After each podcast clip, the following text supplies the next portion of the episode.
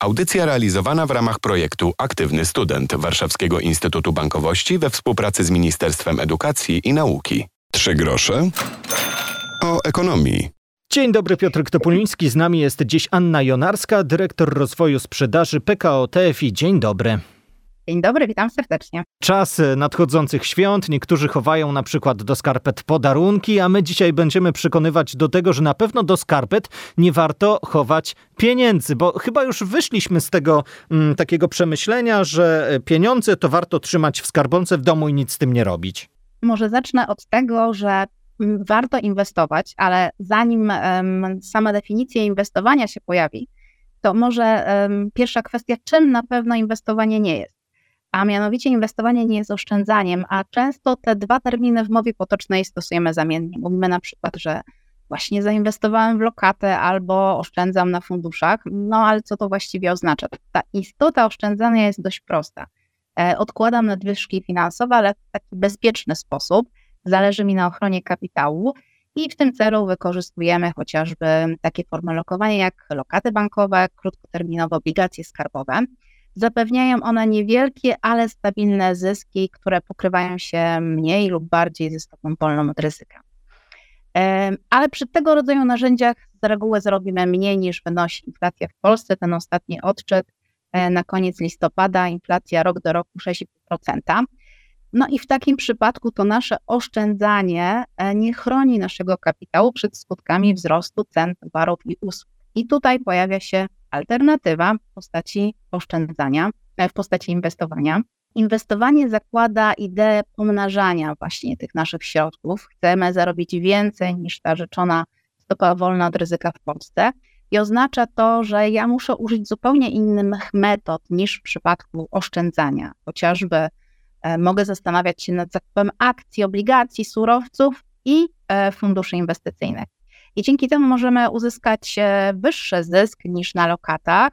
Jednak wybierając te narzędzia, musimy też zaakceptować wyższe ryzyko straty kapitału, no i tego, że no, możemy nie osiągnąć założonych celów. No i za chwilę będziemy o tym rozmawiali. Wydaje mi się, że w dzisiejszych czasach wszystko jest bliższe nam i trochę łatwiejsze do osiągnięcia, bo e, banki trzymamy w telefonach i e, wiedzę o bankowości, o oszczędzaniu, o inwestycjach my również mamy pod ręką. Tak, dokładnie. Na wyciągnięcie palca, kciuka, e, jeśli korzystamy z bankowości elektronicznej lub bankowości mobilnej, praktycznie możemy w każdej chwili zajrzeć e, do takiego modułu inwestowanie i sprawdzić i zrobić ten pierwszy krok.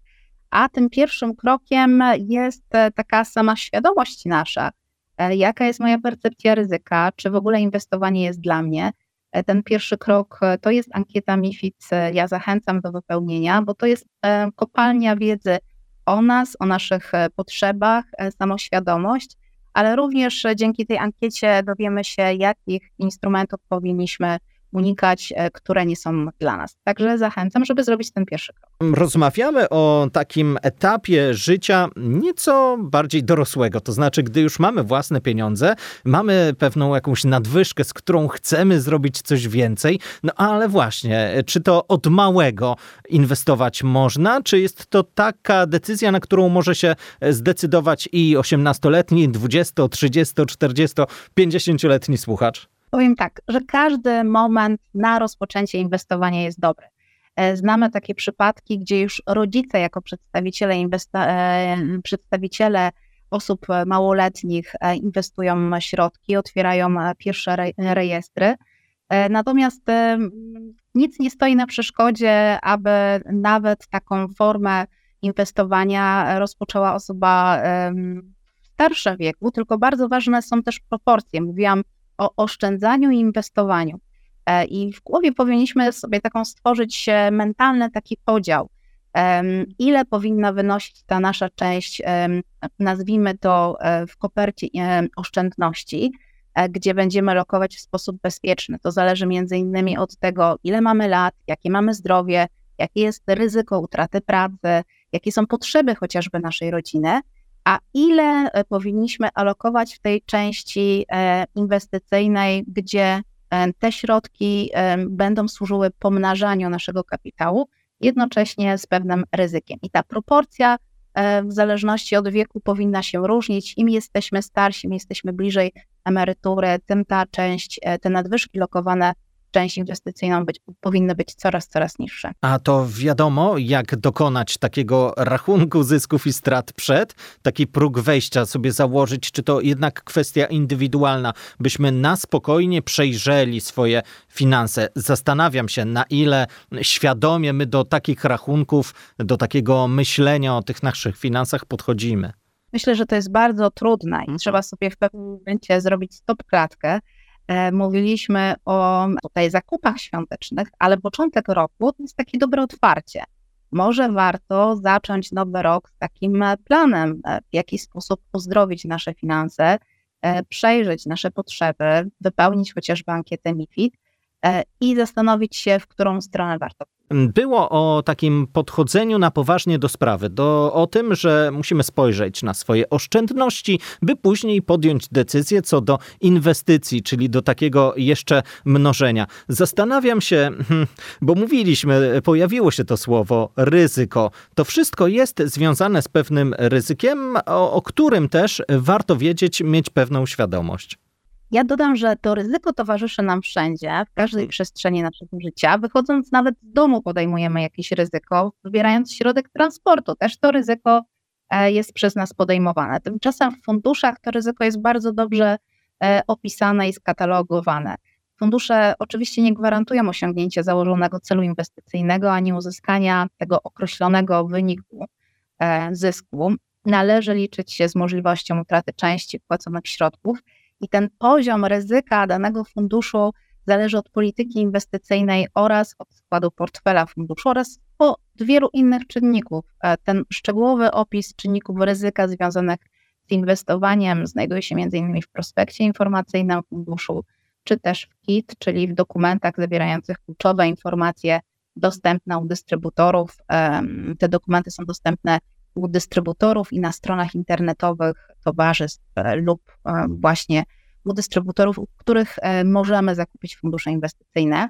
Natomiast jak tak można powiedzieć szybko, w prosty sposób sprawdzić, czy dany fundusz ma bardzo niskie ryzyko, czy też akurat ma bardzo wysokie ryzyko. Tutaj pomocna jest taka skala o nazwie SRE Summary Risk Indicator.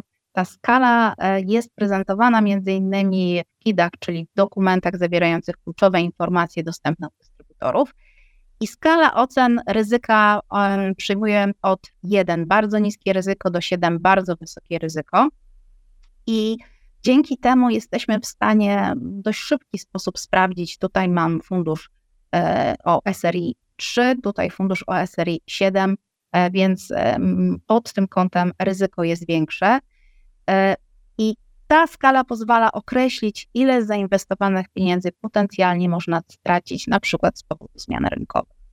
Na koniec tego naszego spotkania inwestycyjnego e, wydaje mi się, że uczymy się czasem na błędach, ale też nie można się zrażać do podejmowanych kroków. Każdy z naszych kroków inwestycyjnych to jest pewna decyzja, która niesie ze sobą skutki różne, takie lub nieco lepsze. To prawda, trochę to zwizualizuje, trochę taką grą w tenisa.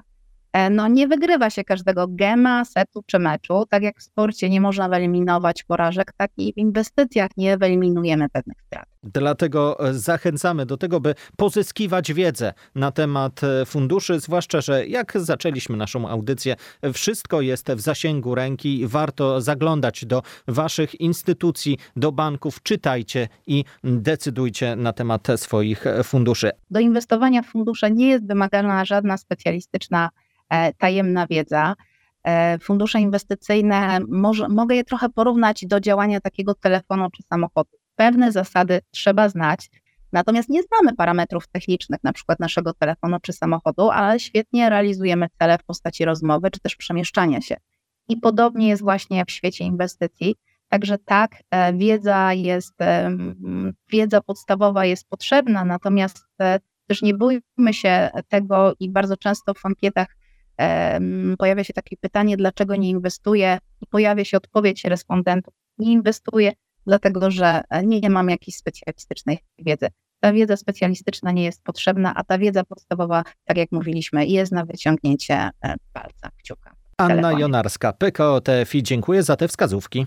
Proszę bardzo, dziękuję bardzo. Do usłyszenia. Piotr Topuliński, do usłyszenia. Przypomnę też, że audycja podcast 3 grosze o ekonomii jest w całości. Już możecie za chwilę tej rozmowy posłuchać. Tam też poprzednie nasze spotkania i będą kolejne. Zdradzę, że będziemy jeszcze o inwestowaniu rozmawiali.